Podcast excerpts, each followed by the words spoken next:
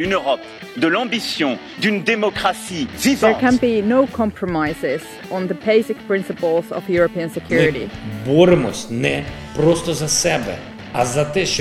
The story of how we went from centuries of war to creating these unprecedented continental democracies. Evropska četrt, četrt, četrt.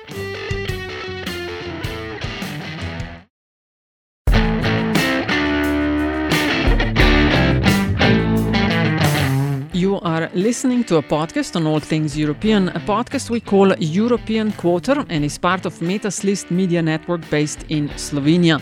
My name is Nataša Briški and I am one half of the podcast team. And my name is Aljaž Pengov Bitenc, and I comprise the other half of the team. You'll find this podcast at metinalista.si as well as at your favorite podcast streaming ne- network or podcast application. And this, Aljaž, is a podcast episode number 120. Or for those of you keeping score at home, season 7, episode 5. Oh, thank you. Thank you. You're welcome. Thank you. I keep track for you. Um, our guest, I, I almost said tonight, but as we know, podcast can be podcasts can be listened to at any time of the day. and it's always 5 o'clock in the afternoon somewhere in the world. Of course, our guest is Ambassador Mali- Maria Laura da Rocha. Did I pronounce your last Yes, name? it's yes. okay. Yes, Okay. Thank you for taking your time out of uh, the busy schedule. I you just said you came directly from, From Fortaleza, yes. Fortaleza. It's in Uh, northeast of Brazil. How are you coping with the time difference, with uh, everything No, that comes here. along? Here. if you say something strange, you can quote this. you are Secretary General of Brazil's Ministry of External uh, Relations, Brazil's first female uh, on that position. Yes, we'll yes, say uh, we'll save that for last. Uh, Mm-hmm. But uh, to start us off, uh, do tell us uh, you've been part of the apocalypse tomorrow, increasing climate justice instead of climate insecurity. What's the one message that you want people to take away uh, based from your perspective? But the main thing is there is no climate justice if you don't think uh, above the poor people. So the justice came from the inequalities. You, you have to, to reduce inequality. You have to to have food for everybody. You have to have uh, uh, good conditions of life. So the climate and justice, it's uh, because people don't live in a good way because of climate change, but also be- because of poverty, because of lack of education, lack of uh, economic uh, possibilities to, to, to develop their families and things like that. So the climate change, the climate, uh, the climate questions are related with inequality. We've been hearing a lot from our previous discussions on, on, on Bled Strategic Forum that um, the quote unquote global north has, um, for decades, solved its climate and sustainability issues by exporting the problems to global south and is now demanding that the global south fixes the problems that it has exported, the north has exported there. So, what is the what, is the Brazilian take on this? I mean, where uh, uh, how do you see yourself in terms of the issue, the planetary issues, as a leader, as a, somebody in need of advice? How? No, we help to create the idea that we are all responsible for the problem, but the responsibility are different because those who started the the the progress, uh, the industrializations, have to now help the others to develop in a very sustainable way. And uh, this, for Brazil, the important thing is to have cooperation. So we'll cooperate, helping together to uh, to reduce the emissions, to save the planet, as we like to do, but also to uh, uh, permitting people developing ways of living and have good health, good uh, food, uh, good uh, nutrition, and everything. So the, the, the, the, the important thing is to, to put the, the both words, if you can say that, together, working together. It's not to, to blame one or blame another, but to be uh, creative, to be cooperative, to be solidary. Um, do you see an appetite in today's world uh, for a cooperation? We force cooperation. we believe, we totally believe. In Brazil, we are very, very, very optimistic. And uh, we have, fortunately, now a government is very optimistic and show, showed in the past that it's possible to have a sustainable development, to have a green economy, to have uh, a good food, to have big productions of food and small uh, productions also in the good quality. This was proved.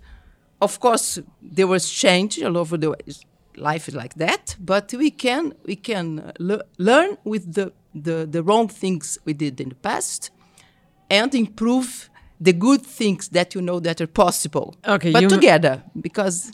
Yeah, you mentioned the wrong things that we did in the past. What do you have in mind uh, when you say the wrong things? What do you, do you feel needs to be improved? What comes to mind? To be improved, first of all, it, think about people. When you talk about energy, uh, uh, development, with what talking about people. So it, you, if you have a number, it's good, but if it, uh, behind this number, you have to to see if everybody is included, not only one part of the number. And uh, this is uh, uh, solidarity included. And perhaps in the past, the richness was more important than than distribution equality and things like that. But I, we think that the problem, the problem we have, it's a global problem, and you have to have global solutions. Otherwise, we will still in, in, in the wrong path. So, in, in case of Brazil, we, we have an, a good example to, to show because when have in the last uh, five years uh, uh, politics uh, that okay, let's improve more and more the uh, export food, but without thinking about the, the, the small families, we uh, we return in, in, the in, in the in the time, and then the, all the, these people, the million of people that were out of the, the, the hunger map, they return to the hunger map. So you have to keep. Uh, the both tracks functioning, mm-hmm. and sh we showed it in the past that it's possible solidarity was one of the key words here at this year's Bled Strategic Forum as well, mostly due to the fact that Slovenia was hit by with, a natural disasters only weeks before the start of the forum. And uh, but one of our, our our interlocutors said that solidarity should not only be exercised after the fact, after a calamity has uh, uh, um, uh, um, happened, happened, but that solidarity should be preventive. Mm-hmm. So, in in what ways would you like um, other global and regional leaders uh, like to show solidarity with Brazil, and vice versa? Where do you feel that you could contribute to? Uh, solving the, the global challenges that you've just described. Yes, yes, we are we are doing. We did in the past because we started the discussions concerning the, the environmental problems started in the Rio 92. I was there. I was there. The convention, the, the mm-hmm. climate conventions. And, and since then in Brazil, the society believed in everything, all discussions, and we participate every year in all conferences. And you discuss and you bring you bring to, to, to, to the country, to the society, I'm not talking about government, but the, the, the society, believe that you have you can have a, a, better world. So it's a work of every day to, to, to exchange best practices that you have each, each one have and, and to, to think inside the countries because uh, inside the countries you have this this uh, difference of uh, uh some groups have too much and others have nothing and this is it's real also in the in the all over the world so exchanging. When and when I say cooperation it's exchanging best practices and uh, trying to a kind of complementarity. And with the, with this this um, sentiment of solidarity, because everybody can gain with uh, solidarity, because uh, you can sell your product, I will buy your product, but a good one and, and, a good price. Let's simplify like Brazil is a country of how many? 215 million inhabitants. Yes, yes, yes. Slovenia has a bit more than 2 million. Uh, if my memory serves me well, your membership as a non permanent member of the Security Council ends this at the end year. of this year. Yes. But in October, you are assuming the rotating presidency for a month, right? And yes. Uh, in October, Slovenia will uh, become an observing country. Because the, yes, mm -hmm. because we were elected to be non-permanent members in 2004, uh, 24 and 25. I know you had meetings with uh, Slovenian counterparts. What did you talk about?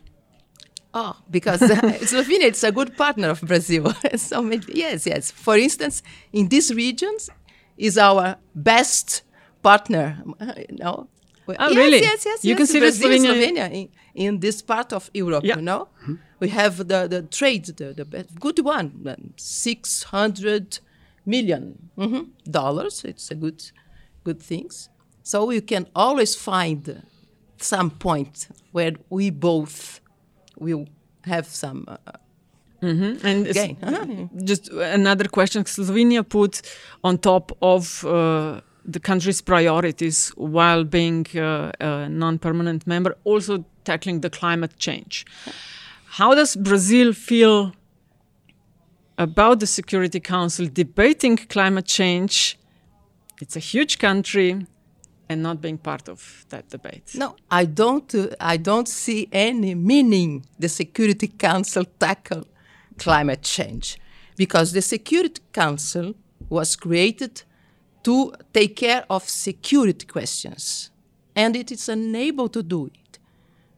In the last decades, we have so many wars all over the world, and the Security Council was absolutely incapable of do anything.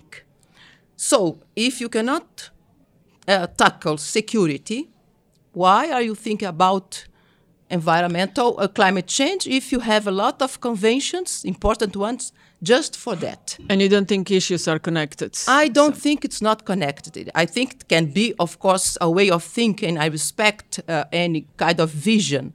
But uh, I think that uh, above all, we need to reform the United Nations, to reform the Security Council before put new uh, uh, ideas to discuss because it will be useless also because you have five countries that can stop everything.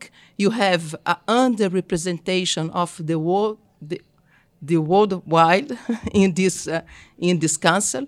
So reform it's necessary, and try to, to solve the, the security real problems that we have that ne never they couldn't do it never, and before starting to think about things that other are things already. Now, for instance, we have mechanisms. G20, it's a good mechanism. G7, it's a good mechanism. Now, talking about money, about people. These are the places where you can try to discuss and try to find some, uh, some ideas, some solutions, or some political uh, uh, decisions to, to, to, put ahead, to put ahead and to, to, to share with other, other nations.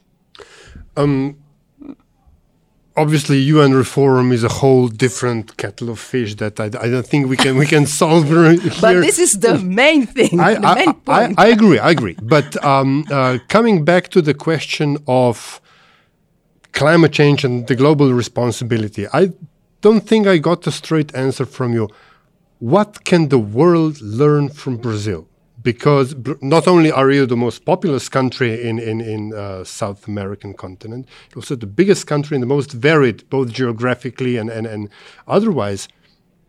What lessons can you but impart on on the world? In Brazil, the energy it's almost completely uh, sustainable, clean, completely clean. 60, 65%. It's not completely, but it's, it's uh, very important.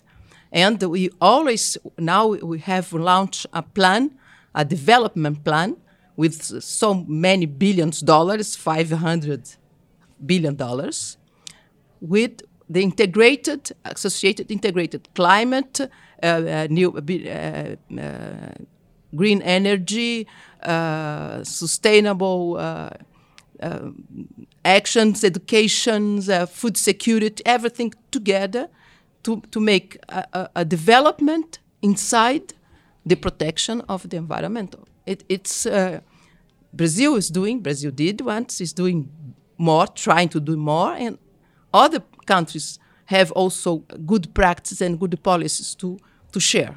Mm-hmm. And the last uh, question, Madam Ambassador, I mentioned at the beginning that you are the first female at the, occupying the position of the Secretary, Secretary General. Um, you have been working in politics for many years. What do you know now that you didn't 20, 30, 40 years ago? Is it easy to be female in Brazilian politics? No, it's not easy because there are few. We need more women. Because we need more women because woman has a different way of seeing the problems. The men, of course, a difference.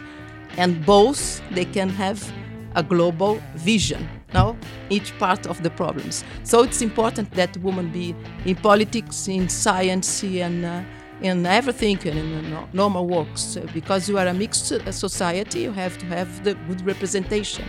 We like democracy. Democracy is like that. The participation has to be uh, possible to everybody. And more women in politics in my point of view means a different way of seeing conflicts it's something already and how to say espoir no? A wishful thoughts.